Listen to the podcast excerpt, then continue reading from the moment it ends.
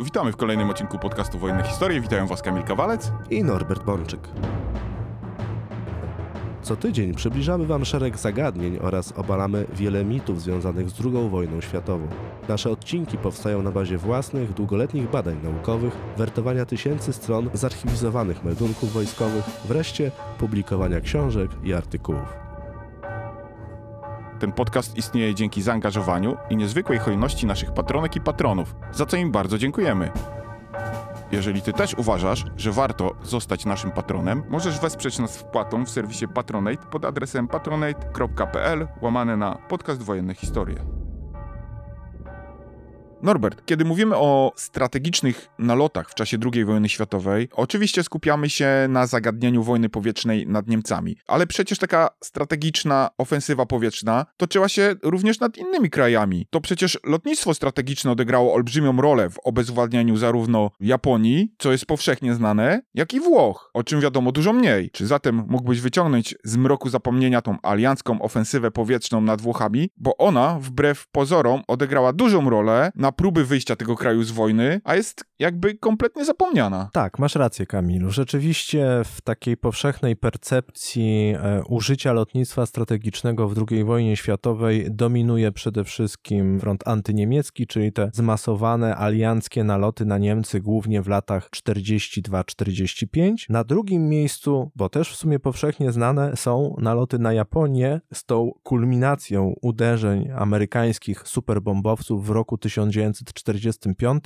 z finałem w postaci wojny nuklearnej i ataków na Hiroshima i Nagasaki. Natomiast y, kampania powietrzna przeciwko innym państwom europejskim, bo przecież e, lotnictwo alianckie, brytyjsko-amerykańskie prowadziło działania powietrzne strategiczne nad obszarem całej Europy. Bombardowano cele we Francji, bombardowano cele na Węgrzech, bombardowano cele w Rumunii, bombardowano nawet cele na terenie dzisiejszej Polski. W związku z czym ta ofensywa strategiczna aliancka wymierzona była w całą Europę kontrolowaną przez Niemców. Obok Niemiec i Japonii Trzecim państwem kluczowym w tak zwanych państwach osi było Królestwo Włoch, rządzone z jednej strony przez króla Wiktora Emanuela III, a z drugiej strony przez partię faszystowską pod przewodnictwem Benito Mussoliniego. I Włochy były pierwszym państwem, które z tej osi wypadły, dlatego że był to wrzesień 1943 roku. W powszechnej percepcji wojny powietrznej nad Europą Włosi są zepchnięci na drugi, na trzeci plan. Mało zwraca się uwagę, u nas na przykład, no bo bynajmniej nie we Włoszech, ale mało zwraca się uwagę na to, że Włochy, tak samo jak Niemcy i Japonia, były państwem, na które alianci oddziaływali lotnictwem strategicznym. Przeciwko Włochom prowadzono strategiczną ofensywę powietrzną celem nie tylko zniszczenia czy sparaliżowania przemysłu ciężkiego tego państwa, ale również celem zastraszenia społeczeństwa czy celem zadania jak największych strat z jednej strony co prawda przemysłowi, ale jednocześnie, ponieważ ten przemysł był ulokowany w wielkich miastach północnych Włoch, przede wszystkim w Turynie, w Mediolanie, w Genui, to chodziło również o to, aby przestraszyć ludność tych miast, a nawet zmusić ją do emigracji. I lotnictwo strategiczne między innymi służyło temu, że fabrykę, port, most, rafinerię można zniszczyć, ale można też sprawić, że robotnicy, ludność związana z tym przemysłem ciężkim, no nie będzie mogła na przykład pracować, bo zostanie zmuszona do ewakuacji z obszarów porażonych nalotami strategicznymi. I Włochy w II wojnie światowej jak najbardziej również padły ofiarą tego typu strategii i ta aliancka strategia właśnie w stosunku do Włoch okazała się relatywnie skuteczna, dlatego że kiedy mówimy o nalotach strategicznych w II wojnie światowej, to wiele osób błędnie twierdzi, że te naloty nie osiągnęły swoich celów. My już w kilku odcinkach mówiliśmy, że było wprost przeciwnie. Natomiast oponenci takiego poglądu podkreślają, że zwycięstwo zwyciężenie Niemiec nastąpiło dopiero wówczas, kiedy armie alianckie, czy to Armia Czerwona ze wschodu, czy wojska brytyjsko-amerykańskie, kanadyjskie, polskie z zachodu, zajęły bezpośrednio lądowe terytorium Rzeszy. Ale wielokrotnie już mówiliśmy o tej wojnie powietrznej nad Niemcami, że to tak prosto nie funkcjonuje. A poza tym, abstrahując od przypadku niemieckiego, nie możemy zapominać, że dwa pozostałe państwa osi, to jest Włochy i Japonia, poddały się formalnie, bez konieczności zajmowania ich terytorium. W przypadku Włoch to nie spracowało o tyle, że północne i środkowe Włochy zostały zajęte przez wojska niemieckie. I tak naprawdę Niemcy kontrolowali te północne i środkowe Włochy i trzeba było te Włochy odbijać z ich rąk. Natomiast Japonia, zniszczona blokadą morską i właśnie nalotami strategicznymi, poddała się bez konieczności szturmowania wysp macierzystych. Więc kiedy my mówimy o skuteczności lotnictwa strategicznego w II wojnie światowej, nie możemy zawężać tego postrzegania wyłącznie do Rzeszy Niemieckiej. Musimy na to spojrzeć w szerszym kontekście. Włochy i Japonia, państwa mimo wszystko przemysłowo słabsze od Niemiec, mniej zaawansowane technicznie, nie oparły się w sposób wyraźny tej potędze lotnictwa przeciwnika. W przypadku Włoch oddziaływanie lotnictwa strategicznego było jednym z kilku czynników prowadzących do tego, że Włosi formalnie zmienili front, a realnie właściwie ogłosili poddanie się wobec aliantów. Bez tych innych czynników same samoloty bombowe nie mogłyby odnieść zwycięstwa, ale stanowiły niezwykle ważny element osłabienia włoskich zdolności do prowadzenia wojny. I to już było na poziomie teoretycznym założone z góry. A zatem jak trudnym celem dla alianckich bombowców strategicznych były Włochy? Czy to był równie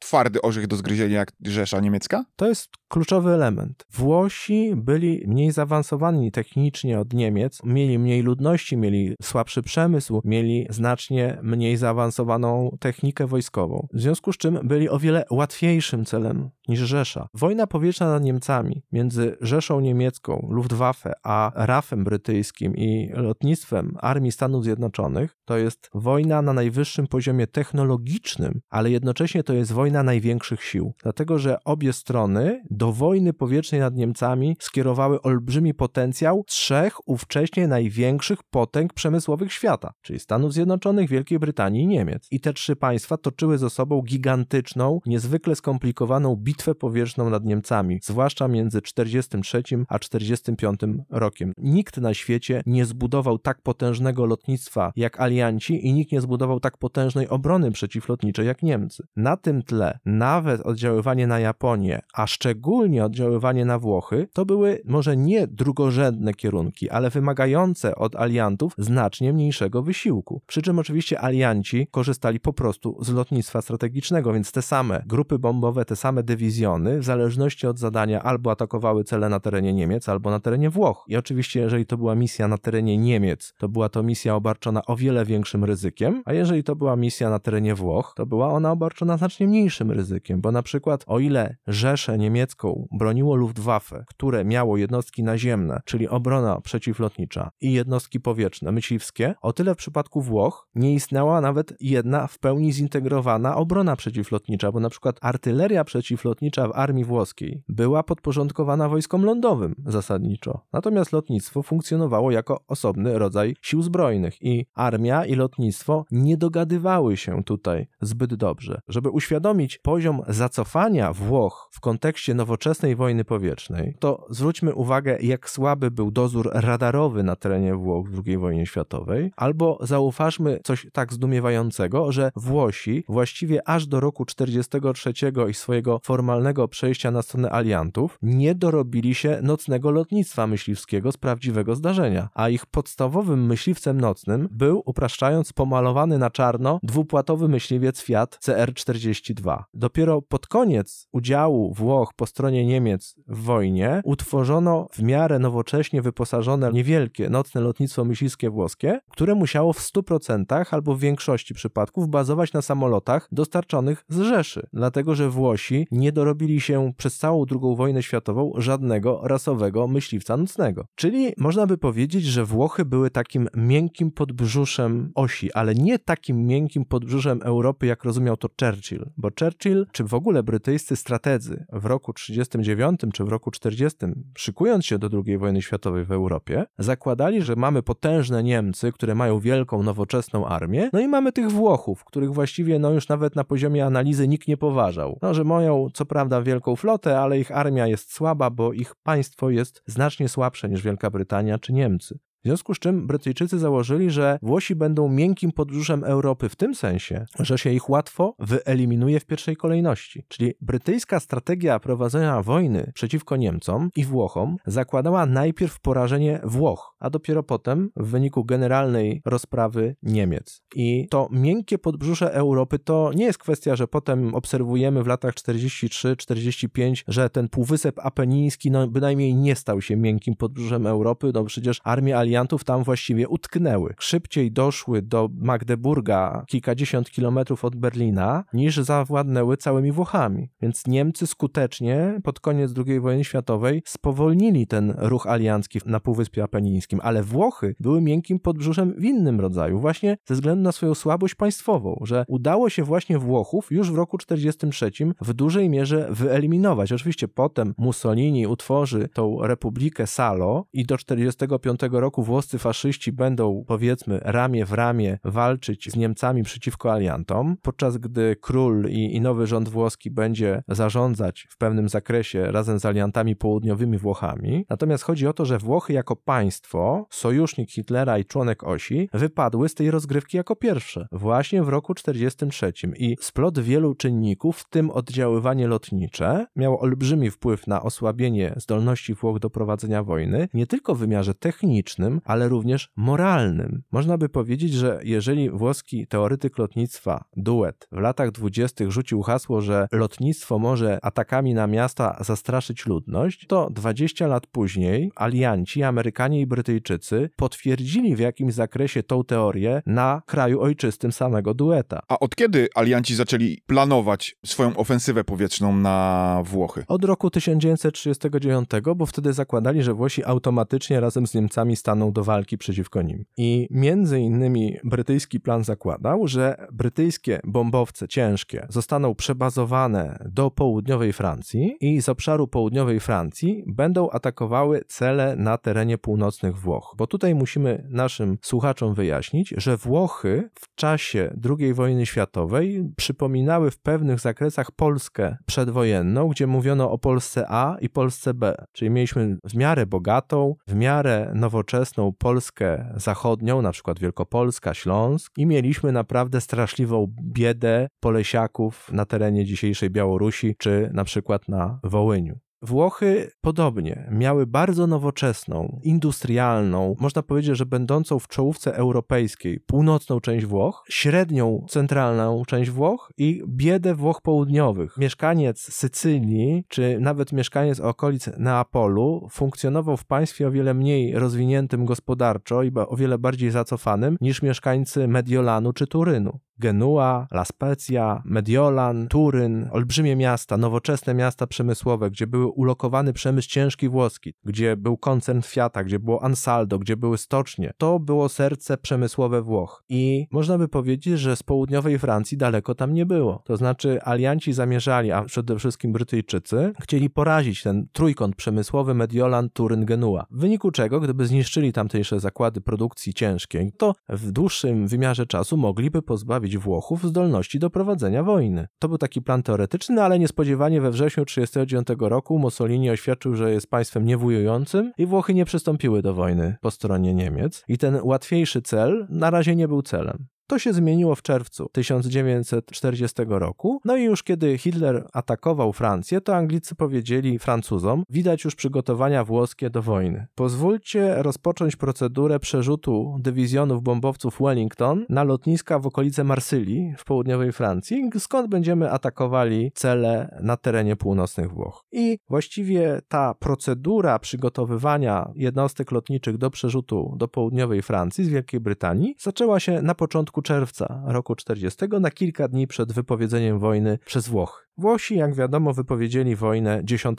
czerwca roku 1940 i Brytyjczycy przystąpili wówczas do operacji, która nosiła kryptonim Haddock. To był właśnie ten przerzut samolotów Wellington do południowej Francji. 11-12 czerwca samoloty te zaczęły to przebazowywać, nie bez trudności ze strony Francuzów, dlatego że okazało się, że miejscowe dowództwo francuskie nie jest za bardzo chętne do pomocy w atakowaniu atakowaniu celów na terenie Włoch w obawie przed kontrą włoskich bombowców z kolei na Marsylię czy Toulon. Wymagało to kilku dni rozmów i przepychanek na najwyższym szczeblu, zanim te bombowce Wellington w nocy z 15 na 16 czerwca w ogóle mogły wystartować i zacząć atakować cele na terenie północnych Włoch. Jaki zatem zasięg miała ta pierwsza brytyjska de facto ofensywa na Włochy? Czy to była duża i z rozmachem przeprowadzona operacja? Tutaj muszę doprecyzować, były jakby równoległe dwa tory działań brytyjskich. Brytyjczycy z jednej strony zakładali ataki z południowej Francji i one doszły do skutku dopiero po kilku dniach, bo pierwszy nalot to noc z 15 na 16 czerwca. Astronomiczna liczba bombowców Wellington, aż 8, poleciało nad Włochy, z czego tylko jeden odnalazł cel. Następnej nocy poleciało 9 bombowców i cel odnalazło 5 maszyn. Więc można by powiedzieć, że takie dwa ataki Wellingtonów z baz w południowej Francji były czymś w rodzaju demonstracji siły, ale właściwie niemal nieodnotowanym przez Włochów. Więc cała operacja Hard Dog w rozumieniu działań na terenie południowej Francji spaliła na panewce. Dwie krótkie misje, potem konieczność szybkiej ewakuacji ze względu na to, że Francuzi wypadli. No więc to założenie nalotów strategicznych z południowej Francji na północne Włochy w roku 1940 to nie spracowało. Ale Brytyjczycy mieli lotnictwo w wymiarze strategicznym. I jak tylko Włochy wypowiedziały wojnę Wielkiej Brytanii, Wielka Brytania okazała pewną siłę. Dlatego, że już 11 czerwca, więc pierwszego dnia aktywnych działań wojennych na Morzu Śródziemnym, pięć dywizjonów brytyjskich uzbrojonych w bombowce Whitley wystartowało bezpośrednio z wysp macierzystych brytyjskich z Wielkiej Brytanii i zaatakowało cele na terenie północnych Włoch. I to była operacja z użyciem 36 bombowców Whitley, z czego cele odnalazło maszyn 13 ale to była pewna demonstracja możliwości. Oto bowiem Wielka Brytania przeprowadziła operację z Wielkiej Brytanii właśnie na teren północnych Włoch, w międzyczasie przelatując nad obszarem Francji, ale nie korzystając z francuskiego zaplecza. Słowem Brytyjczycy pokazali, że są zdolni do projekcji siły przeciwko Włochom nawet z obszaru swych wysp macierzystych, czyli że Włochy w całości są w zasięgu brytyjskich bombowców. I też w roku 1940 pojawiła się koncepcja, żeby bombowce o mniejszym zasięgu wykorzystywały na przykład wyspę Malta na czas krótkiego bazowania lub dotankowania w czasie misji nękających na przykład obszar południowych Włoch. Tylko to był rok 1940. To był w pewnym zakresie początek wojny i obie strony się tej wojny uczyły. I w roku 1940 łącznie Brytyjczycy przeprowadzili 17 nalotów na Włochy. To były naloty wykonywane bardzo niewielką liczbą samolotów, kilkanaście lub kilka. A czy Włosi właściwie w jakikolwiek wyraźny sposób odczuli te niewielkie naloty alianckie, a właściwie brytyjskie? Nie, dla Włochów to nie był żaden problem, bo kiedy my mówimy o użyciu lotnictwa, to musimy sobie uświadomić to, że efektywność lotnictwa zależy od intensywności oddziaływania. Dopiero użycie broni nuklearnej, bomby atomowej sprawiło, że jeden samolot mógł wykonać misję, którą wcześniej musiało cyklicznie powtarzać kilka kilkaset bombowców. Natomiast przy użyciu broni konwencjonalnej, czyli absolutnie dominującej na polu walki, to efektywność lotnictwa zależy od tego, czy ma się dużo czy mało samolotów i jak często one powtarzają ataki na określone cele. Bo pojedynczy atak na miasto, węzeł kolejowy czy jakiś obiekt może przynieść krótkotrwały efekt, ale potem można naprawić tą fabrykę, można naprawić ten most. Jeżeli nie powtarza się uderzeń non-stop aż do wyniszczenia przeciwnika, to one są nieskuteczne. W roku 1940 Wielka Brytania nie miała takiego potencjału, rozumianego w liczbie samolotów bombowych, ich udźwigu, aby mogła zniszczyć lub skutecznie porazić jakąś gałąź włoskiej, nie mówiąc już o niemieckiej gospodarki. Brytyjczycy przeprowadzili jedynie latem 40 roku kilkadziesiąt samolotolotów. Samolotolot to jest wykonanie przez jeden samolot jednej misji. Kilkadziesiąt samolotolotów to jest w wymiarze operacyjnym nic. To była demonstracja, że patrzcie, możemy bombardować was. Docelowo Brytyjczycy chcieli porazić włoski przemysł, tylko potrzebowali rozwoju potencjału, czyli to była kwestia czasu. Wiedzieli, że dziesięcioma bombowcami nie osiągną sukcesu, ale jeżeli stopniowo będą wyposażać swoje lotnictwo w setki i tysiące takich bombowców, to właściwe zdolności oddziaływania wreszcie zostaną osiągnięte. I wyprzedzając nieco wypadki, to powiem w ten sposób. To doskonale widać, jak się opisuje masę zrzuconych w danym okresie bomb na Włochy. Między czerwcem 40 roku a do października 42. Dlaczego do października to powiem za chwilę, ale między czerwcem 40 roku a październikiem 42 roku przez ponad dwa lata alianckie lotnictwo, a właściwie wyłącznie brytyjskie, zrzuciło na Włochy 350 ton bomb. Dla porównania Niemcy w powstaniu warszawskim zrzucili 1,5 tysiąca ton bomb. Tutaj przez ponad dwa lata tylko 350 ton bomb na różne cele na terenie Włoch i wykonali alianci 336 samolotolotów bombowych. To też jest parokrotnie mniej niż na przykład liczba samolotolotów Ju-87 na powstańczą Warszawę w roku 1944 przez dwa miesiące. Słowem, to były działania wyłącznie nękające, ale już między październikiem 42 a grudniem 42 alianci zrzucili na Włochy 1600 ton bomb czyli zrzucili ponad 5 razy więcej bomb w 3 miesiące pod koniec 1942 roku niż przez dwa ponad lata wcześniej. A to był tylko wstęp do roku 1943, kiedy w roku 1943 zrzucili na Włochy 110 tysięcy ton bomb. Więc zobaczmy, jak ta skala rosła. A co stało zatem za tą decyzją, że alianckie lotnictwo w końcu zaczęło, że tak powiem, dostrzegać te Włochy jesienią 1942 roku? Elementem kluczowym był wzrost potencjału, bo to już nie były Wellingtony, to nawet nie były Whitleye, to nawet nie były Stirlingi, to były już Halifaxy i Lancastery. A poza tym,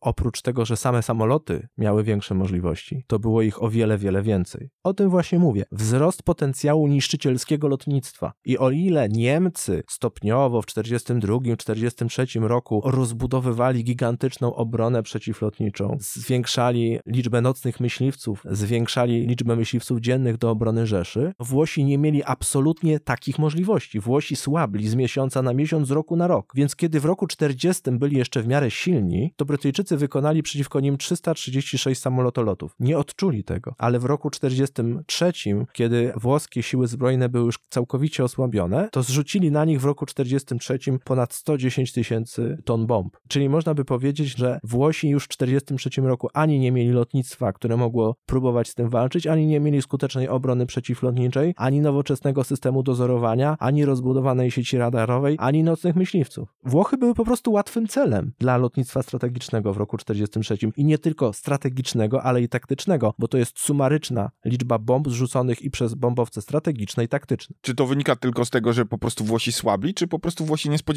się tak szeroko zakrojonej ofensywy powietrznej nad swoim krajem? To jest połączenie tych dwóch czynników. Zauważyłeś coś bardzo istotnego, dlatego że do września 1942 roku włącznie Włosi nie byli celem lotnictwa strategicznego to były pojedyncze naloty. Przez cały rok 1941 przeciwko Włochom przeprowadzono tylko cztery naloty strategiczne, nie licząc operacji nękających z Malty. Więc Włosi tak naprawdę aż do września 1942 roku mogli powiedzieć: tak, jesteśmy słabi, tak, nie mamy dobrego systemu dozorowania, tak, nie mamy lotnictwa obrony kraju, tak, nie mamy silnej obrony przeciwlotniczej, tak, nie mamy nocnych myśliwców, ale po co nam to? Przecież nikt nas nie bombarduje. Nagle we jesienią 1942 roku w ramach przygotowań do operacji pochodnia, czyli desantu w północnej Afryce, w ramach przygotowań do ofensywy w Afryce ogólnie, bo to się też wiązało z bitwą pod El Alamein, to nagle Brytyjczycy uderzyli na Włochów potężną siłą. Nie robiąc tego wcześniej przez ponad dwa lata i Włosi byli w szoku, ale Włosi sami sobie w jakimś zakresie byli też winni, bo owszem, nie byli atakowani, ale widzieli co się dzieje. Mieli świadomość, że są sojusznikiem Niemiec, państwa poddawanego coraz większej presji ze strony bombowców strategicznych. Zdawali sobie sprawę, że te same samoloty, które bombardują na przykład miasta w północno-zachodnich Niemczech czy miasta we Francji, mogą uderzyć na miasta północnych czy środkowych Włoch. Musieli sobie z tego zdawać sprawę, bo tak jak powiedziałem, już od czerwca roku 1940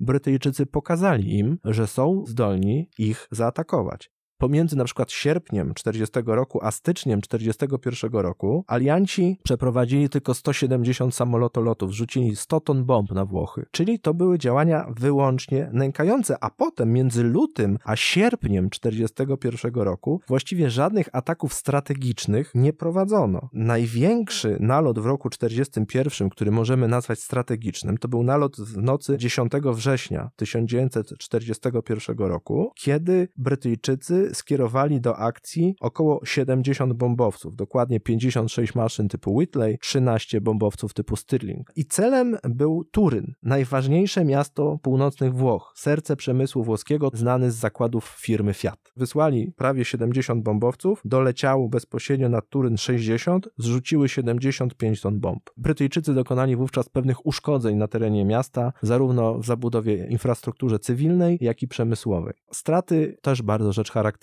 nalotów brytyjskich na Włochy, były niewielkie. Utracono cztery samoloty. Jak tracono sześć w operacjach, gdzie angażowano 80-100 maszyn, to była maksymalna ilość samolotów zestrzelonych przez wroga albo takich, które się rozbiły. Też polecam odcinek o wojnie powietrznej nad Szwajcarią, bo czasami Brytyjczycy lecąc z Wielkiej Brytanii lecieli przez Szwajcarię, więc czasami szwajcarska obrona przeciwlotnicza była groźniejsza niż ta włoska. Natomiast w roku 41 we wrześniu były jeszcze dwa naloty na Genuę. Noc z 26 na 27 września, z 28 na 29 września skierowano na nie znów około 60 samolotów, z czego nie wszystkie odnajdywały cel, czasami bomby zrzucano w terenie przygodnym, czasami wracano zgoła z ładunkiem bombowym. Nie można było takimi pojedynczymi atakami 60 czy 40 bombowców wyraźnie wpłynąć na przemysł północnych Włoch to nie miało prawo się udać. No ale Brytyjczycy na razie grali tak, jak mogli, na co pozwalał ich potencjał. A czy w momencie, kiedy Włosi jednak odczyli tą potęgę lotnictwa alianckiego, w jakiś sposób byli w stanie zareagować? Włosi w latach 40, 47, 42 czynili różnego rodzaju eksperymenty z rozwojem lotnictwa nocnego, ale to były eksperymenty. Tego nie można nazwać budową nowoczesnego lotnictwa nocnego. Nie potrafili też dobrze zintegrować swojej obrony powietrznej, radarów, artylerii przeciwlotniczej. Byli tutaj o kilka klas niżej niż Brytyjczycy i Niemcy. Ta wielka wojna technologii, jaka towarzyszyła strategicznym nalotom na Rzeszę, czy wcześniej bitwie Anglii w roku 40,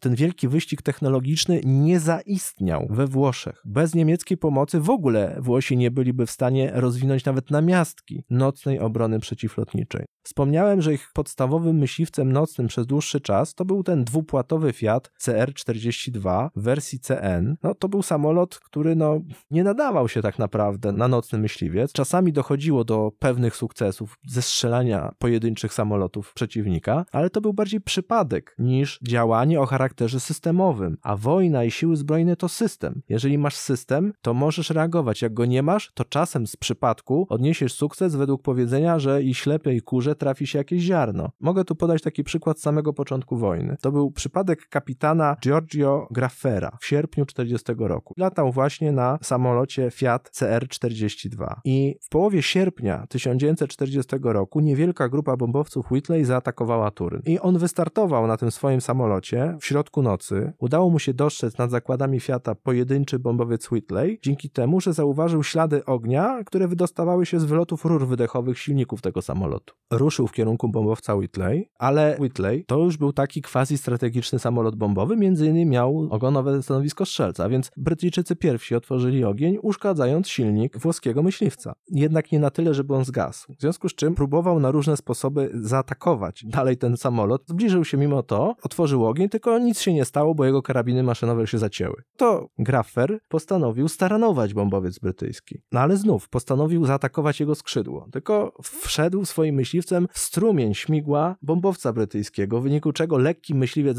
włoski został w powietrzu obrócony parę razy i odrzucony od bombowca. Z jednej strony mówimy o dramatycznym wydarzeniu wojennym, ale to jest wręcz kabaret. Silnik zepsuty od ognia przeciwnika, karabiny nie działają, nie można staranować bombowca wroga, bo się wchodzi w strumień jego silników i, i nie można nawet dokonać tego taranu. Więc pierwsza próba taranu się nawet nie udała, udała się druga. Zanurkował na tego Whitleya i, i staranował go, wyskoczył na spadochronie, bezpiecznie dotarł do ziemi. Krótkotrwale stał się bohaterem włoskich mediów. Krótkotrwale, bo jeszcze w tym samym roku zginął w czasie walk nad Grecją. Natomiast brytyjski bombowiec uszkodzony, bo taran spowodował, że lewy silnik bombowca przestał pracować, ale mimo to ten uszkodzony Whitley przeleciał jeszcze całą Francję i ostatecznie dopiero runął do morza u wybrzeży Wielkiej Brytanii koło Kentu, z czego trzech członków załogi udało się uratować, natomiast piloci, ci bohaterscy piloci prowadzący ten samolot uszkodzony od Turynu aż do wybrzeży brytyjskich zginęli. Tylko przypadek decydował o tym, czy w ogóle jakikolwiek brytyjski bombowiec uda się zestrzelić tymi improwizowanymi nocnymi myśliwcami włoskimi. I po prawdzie, mimo tego, że potem Włosi zaczęli wprowadzać już nowoczesne dolnopłaty do służby w lotnictwie nocnym, czy wreszcie na przykład w roku 1943 pozyskali ciężkie dwusilnikowe myśliwce niemieckie, na przykład Dorniery, to nie udało im się zbudować systemu obrony, który w jakikolwiek sposób można by porównać z brytyjskim czy niemieckim. A w październiku 1942 roku przyszedł czas próby. 23 października 1942 roku rozpoczęła się kolejna bitwa pod El Alamein w Egipcie, która była początkiem nowego etapu wojny w basenie Morza Śródziemnego. 23 października generał Montgomery uderzył w Egipcie, a tej samej nocy brytyjski Royal Air Force po raz pierwszy w tej wojnie uderzył potęgą swoją na miasta włoskie. 10 dywizjonów bombowców skierowano na Genuę, bardzo ważne miasto przemysłowe i ważny port w północnych Włoszech. 112 Lancasterów, ciężkich, nowoczesnych brytyjskich bombowców, zapoczątkowało jesienną ofensywę bombową na Włochy. 100 maszyn dotarło nad Genuę i zrzuciło 180 ton bomb jednym atakiem. Czyli ten jeden atak to była połowa tego, co wcześniej Brytyjczycy zrzucili na Włochy przez 18 miesięcy. To był już zupełnie nowy etap wojny. To była ta wojna prawdziwa, kiedy w 1939 roku alianci siadali do planowania II wojny światowej. Założyli, że elementem kluczowym porażenia przeciwnika będzie ich lotnictwo strategiczne. Tylko musieli mieć czas, żeby je zbudować bo nie jednym i nie dwoma dywizjonami da się to osiągnąć. Trzeba mieć olbrzymi system i Włosi odczuli ten system dopiero jesienią 1942 roku, bo tak długo trwała budowa potęgi RAF-u. RAF tak naprawdę do realnej wojny powietrznej w wymiarze strategicznym był gotowy na przełomie 42-43, a Amerykanie, którzy później dołączyli do wojny, całą swą potęgę mogli okazać dopiero w roku 1944. Więc Włochów wcześniej bronił czas, a nie oni sami. I następnej nocy znowu przylecieli nad Genuę, część samolotów atakowała Turyn. Łącznie 122 samoloty, Halifaxy, Stirlingi, Wellingtony zostały poderwane do ataku. Ponad setka odnalazła cele i zrzuciła kolejne 200 ton bomb. 24 października doszło w przypadku RAF-u do czegoś bardzo niecodziennego. Otóż 88 Lancasterów w biały dzień Royal Air Force w czasie II wojny światowej zasadniczo prowadziła operacje nocne. Mówimy o lotnictwie strategicznym. A tu niespodziewanie 24 października nad Mediolanem w biały dzień i to na niskiej wysokości 600-800 metrów pojawiło się 88 potężnych Lancasterów i zrzuciło 135 ton bomb, między innymi ciężko uskadzając zakłady przemysłowe Caproni, które produkowały samoloty. Więc Brytyjczycy tak pewnie czuli się nad północnymi Włochami, że byli w stanie w biały dzień zaatakować Mediolan. I teraz każdej praktycznie nocy duże zgrupowania brytyjskich bombowców zaczęły atakować włoskie miasta. W noc z 24 na 25 października 71 bombowców atakowało Mediolan, czyli raz przylecili w dzień, tej samej nocy przylecili w nocy. To już był nieco mniejszy nalot, bo cel, czyli Mediolan odnalazło tylko 40 maszyn, no ale w ciągu doby Mediolan został poddany aż dwóm atakom bombowym, złącznie z użyciem ponad 100 samolotów. Przez cały listopad Brytyjczycy kontynuowali ofensywę. W noc z 6 na 7 listopada Genua 72 Lancastery, noc z 7 na 8 listopada znowu znowu Genua, 85 Lancasterów, 45 Halifaxów, 39 Stirlingów, 9 Wellingtonów. Atakowało Genuę. I znowu, noc z 13 na 14 listopada, 76 bombowców, znowu atak na Genuę. Noc z 15 na 16 listopada, znowu Genua, 40 Halifaxów, 27 Lancasterów. Nocy z 18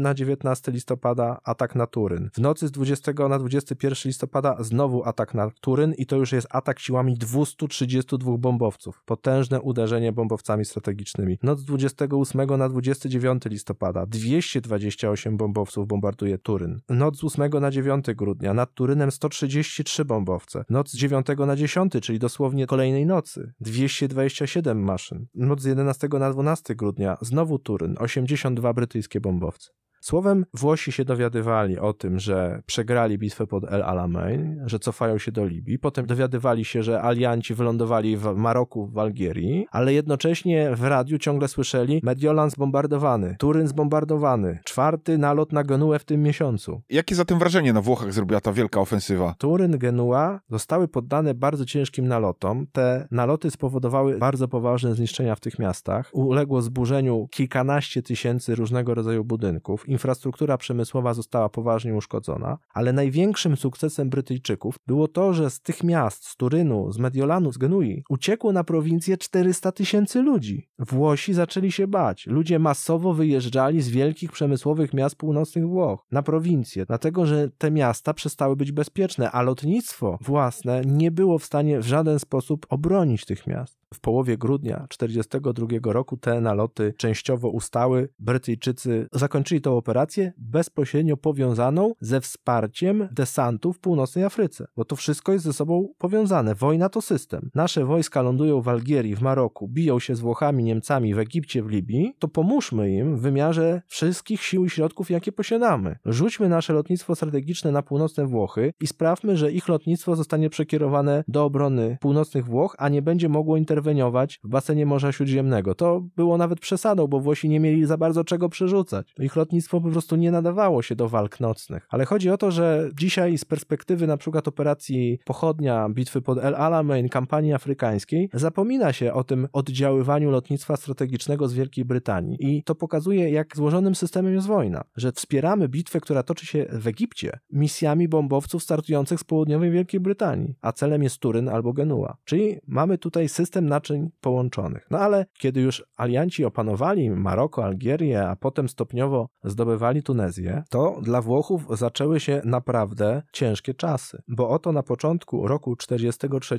na obszarze północnej Afryki zaczęły się rozwijać taktyczne siły powietrzne amerykańskie. 9 Armia Lotnicza i 12 Armia Lotnicza. Uzbrojone zarówno w bombowce taktyczne, takie jak B-25 czy B-26, jak i w bombowce strategiczne B-17 czy B-24. I od stycznia 1943 roku, niezależnie od operacji brytyjskich, zwłaszcza obszar południowych Włoch, Sardynia, Sycylia, rejon Neapolu, zaczął być atakowany przez taktyczne lotnictwo amerykańskie. I południowe Włochy zaczęły być pustoszone przez amerykańskie lotnictwo. Jednocześnie Brytyjczycy też nie odpuszczali, chociaż tych ataków było już mniej, ale na przykład w nocy z 4 na 5 lutego 1943 roku brytyjskie bombowce strategiczne znowu przyleciały nad Turyn, 188 bombowców, a 10 dni później nad Mediolanem pojawiły się 142 brytyjskie bombowce, które co rzecz charakterystyczna, oprócz bomb burzących, rzucały bomby zapalające. Czyli miasta północnych Włoch zaczęły doświadczać w pełni grozy wojny strategicznej. Noc z 13 na 14 kwietnia 200 bombowców bombardowało La.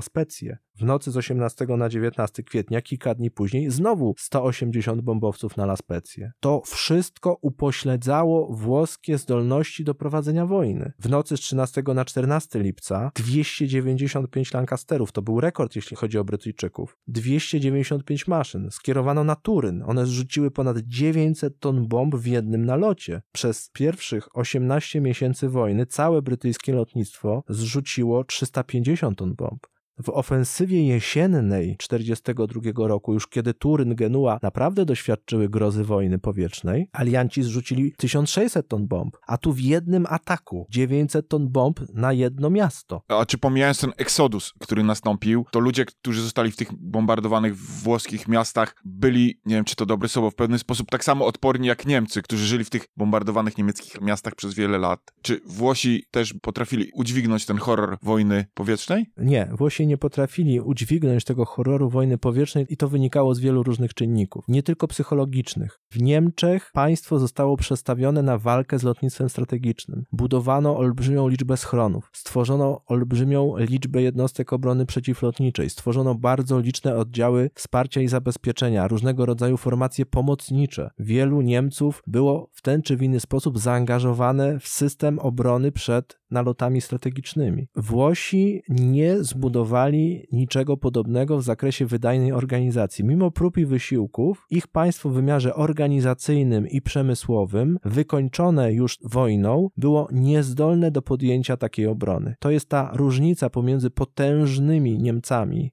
rozumieniu gospodarki niemieckiej, a mimo wszystko słabymi Włochami. Po prostu Włosi nie mieli takiego potencjału przemysłowego, technicznego, administracyjnego, żeby móc tak się zabezpieczyć przed lotnictwem strategicznym, jak robili to Niemcy. Po prostu mieli mniejszy potencjał, a oddziaływała na nich taka sama siła. Włochy przede wszystkim politycznie zaczęły się chwiać. Klęski ze wszystkich stron. Klęska wojsk włoskich na froncie wschodnim nad Donem. Klęska w Afryce Afryce, utrata kolonii, całkowita kapitulacja w Tunezji, przygotowania do obrony wysp macierzystych i Półwyspu Apenińskiego, coraz słabszą, coraz bardziej zdezorganizowaną i pozbawioną paliwa armią. 10 lipca alianci lądują na Sycylii i w tym samym czasie właśnie w ramach tego wsparcia lądowania wojsk alianckich na Sycylii, alianckie lotnictwo strategiczne i z Afryki Północnej i z Wielkiej Brytanii dokonuje pustoszących nalotów na największe miasta włoskie. W nocy z 13 na 14 lipca, tak jak wspomniałem, prawie 300 Lancasterów burzy Turyn, a zaraz później, 19 lipca 1943 roku, w biały dzień, ponad 500 amerykańskich bombowców różnych typów B-17, B-24, B-25, B-26 w osłonie około setki lightingów przybywa nad Rzym i dokonuje pustoszącego bombardowania Rzymu. To jest destruktywne dla włoskiej przede wszystkim klasy politycznej. Włosi są przerażeni tym, że Amerykanie i Brytyjczycy niszczą ich miasta. Amerykańskie bombardowanie Rzymu z 19 lipca było wymierzone w dworce kolejowe, w zakłady przemysłu zbrojeniowego oraz w lotniska. No to był potężny nalot na Rzym, dlatego że zrzucono prawie 1200 ton bomb w jednym pojedynczym ataku na stolicę państwa włoskiego. Liczba bomb, które spadły na Rzym, no była niewiele mniejsza niż cała jesienna z roku 42 ofensywa brytyjska. Szacuje się, że mogło zginąć nawet do 3 tysięcy ludzi, w większości cywilów, na terenie Rzymu. Destruktywny charakter tego nalotu objawił się między innymi tym, że w Rzymie doszło do protestów i antywojennych zamieszek. Amerykanie zaatakowali Rzym jeszcze raz po obaleniu Mussoliniego 13 sierpnia 1943 roku. To był drugi duży nalot amerykański na stolicę i wówczas zginęło około 500 cywili włoskich. To był atak z udziałem około 300 bombowców. Nieco mniejszy, ale i tak oddziałujący bardzo silnie na Włochów na zasadzie pamiętajcie, poddajcie się, zmieńcie front, bo my możemy was zniszczyć zaraz po tym drugim nalocie z 13 sierpnia ogłosili Rzym miastem otwartym. To znaczy powiedzieli, że Rzym przestaje pełnić funkcję miasta wojennego i to ogłoszenie Rzymu miastem otwartym w praktyce miało spowodować, żeby Brytyjczycy i Amerykanie wstrzymali dalsze bombardowania przynajmniej stolicy. To ogłoszenie Rzymu miastem otwartym było wstępem i zapowiedzią rychłej, może nie kapitulacji, tylko formalnie wyjścia Włoch z wojny, no i przejścia na stronę aliantów wiadomości z Sycylii, które były złe, że armia włoska traci Sycylię, w połączeniu z tym, że bomby sypią się na Turyn, Mediolan, a nawet na stolicę państwa i że armia włoska nic nie jest w stanie z tym zrobić, miały duży wpływ na to, co wydarzyło się w nocy z 24 na 25 lipca 1943 roku na posiedzeniu Wielkiej Rady Faszystowskiej, kiedy to Benito Mussolini został przegłosowany i de facto obalony. Włosi stwierdzili, że nie są w stanie dalej prowadzić wojny i to był splot wielu czynników, zarówno własnej słabości, jak i ciągle rosnącej siły nieprzyjaciela. I nie tylko naloty strategiczne sprawiły, że Włosi się poddali. To był jeden z kilku czynników, ale niezwykle istotny, niezwykle ważki, bo gdyby nie było jesiennych nalotów w 1942 roku na północne Włochy, gdyby od stycznia 1943 roku amerykańskie lotnictwo taktyczne nie nękało południowych Włoch, gdyby nie te potężne destruktywne naloty na Turyn czy na Rzym latem 1943 roku, to być może Włosi mieliby więcej sił i środków, aby się bronić. A tak, latem 1943 roku uznali, że dalej prowadzić wojny już nie są w stanie. To skutkowało potem tym wszystkim, co wydarzyło się latem 1943 roku. Włosi przeszli na stronę aliantów, ale Niemcy trzymali rękę na pulsie i zajęli północne Włochy i środkowe Włochy, stoczyli z armią włoską m.in. bitwę o Rzym. No i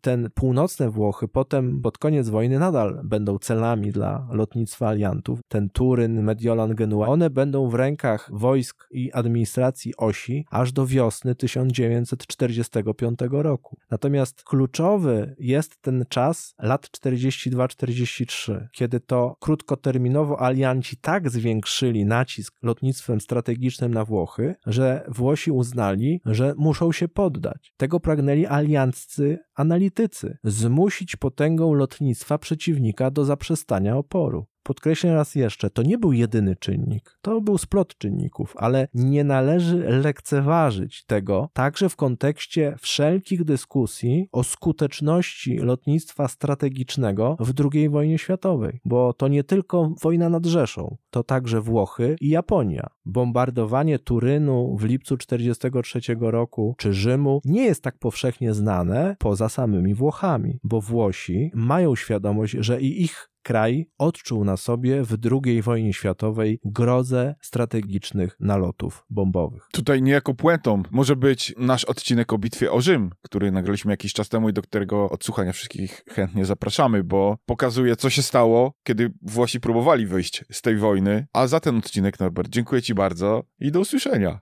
Dziękuję bardzo. Dziękujemy, że byłeś z nami do końca tego odcinka. Odwiedź nas na Facebooku, Instagramie, Twitterze lub TikToku. Wszędzie tam znajdziesz nas wpisując podcast Wojenne Historie. Do usłyszenia.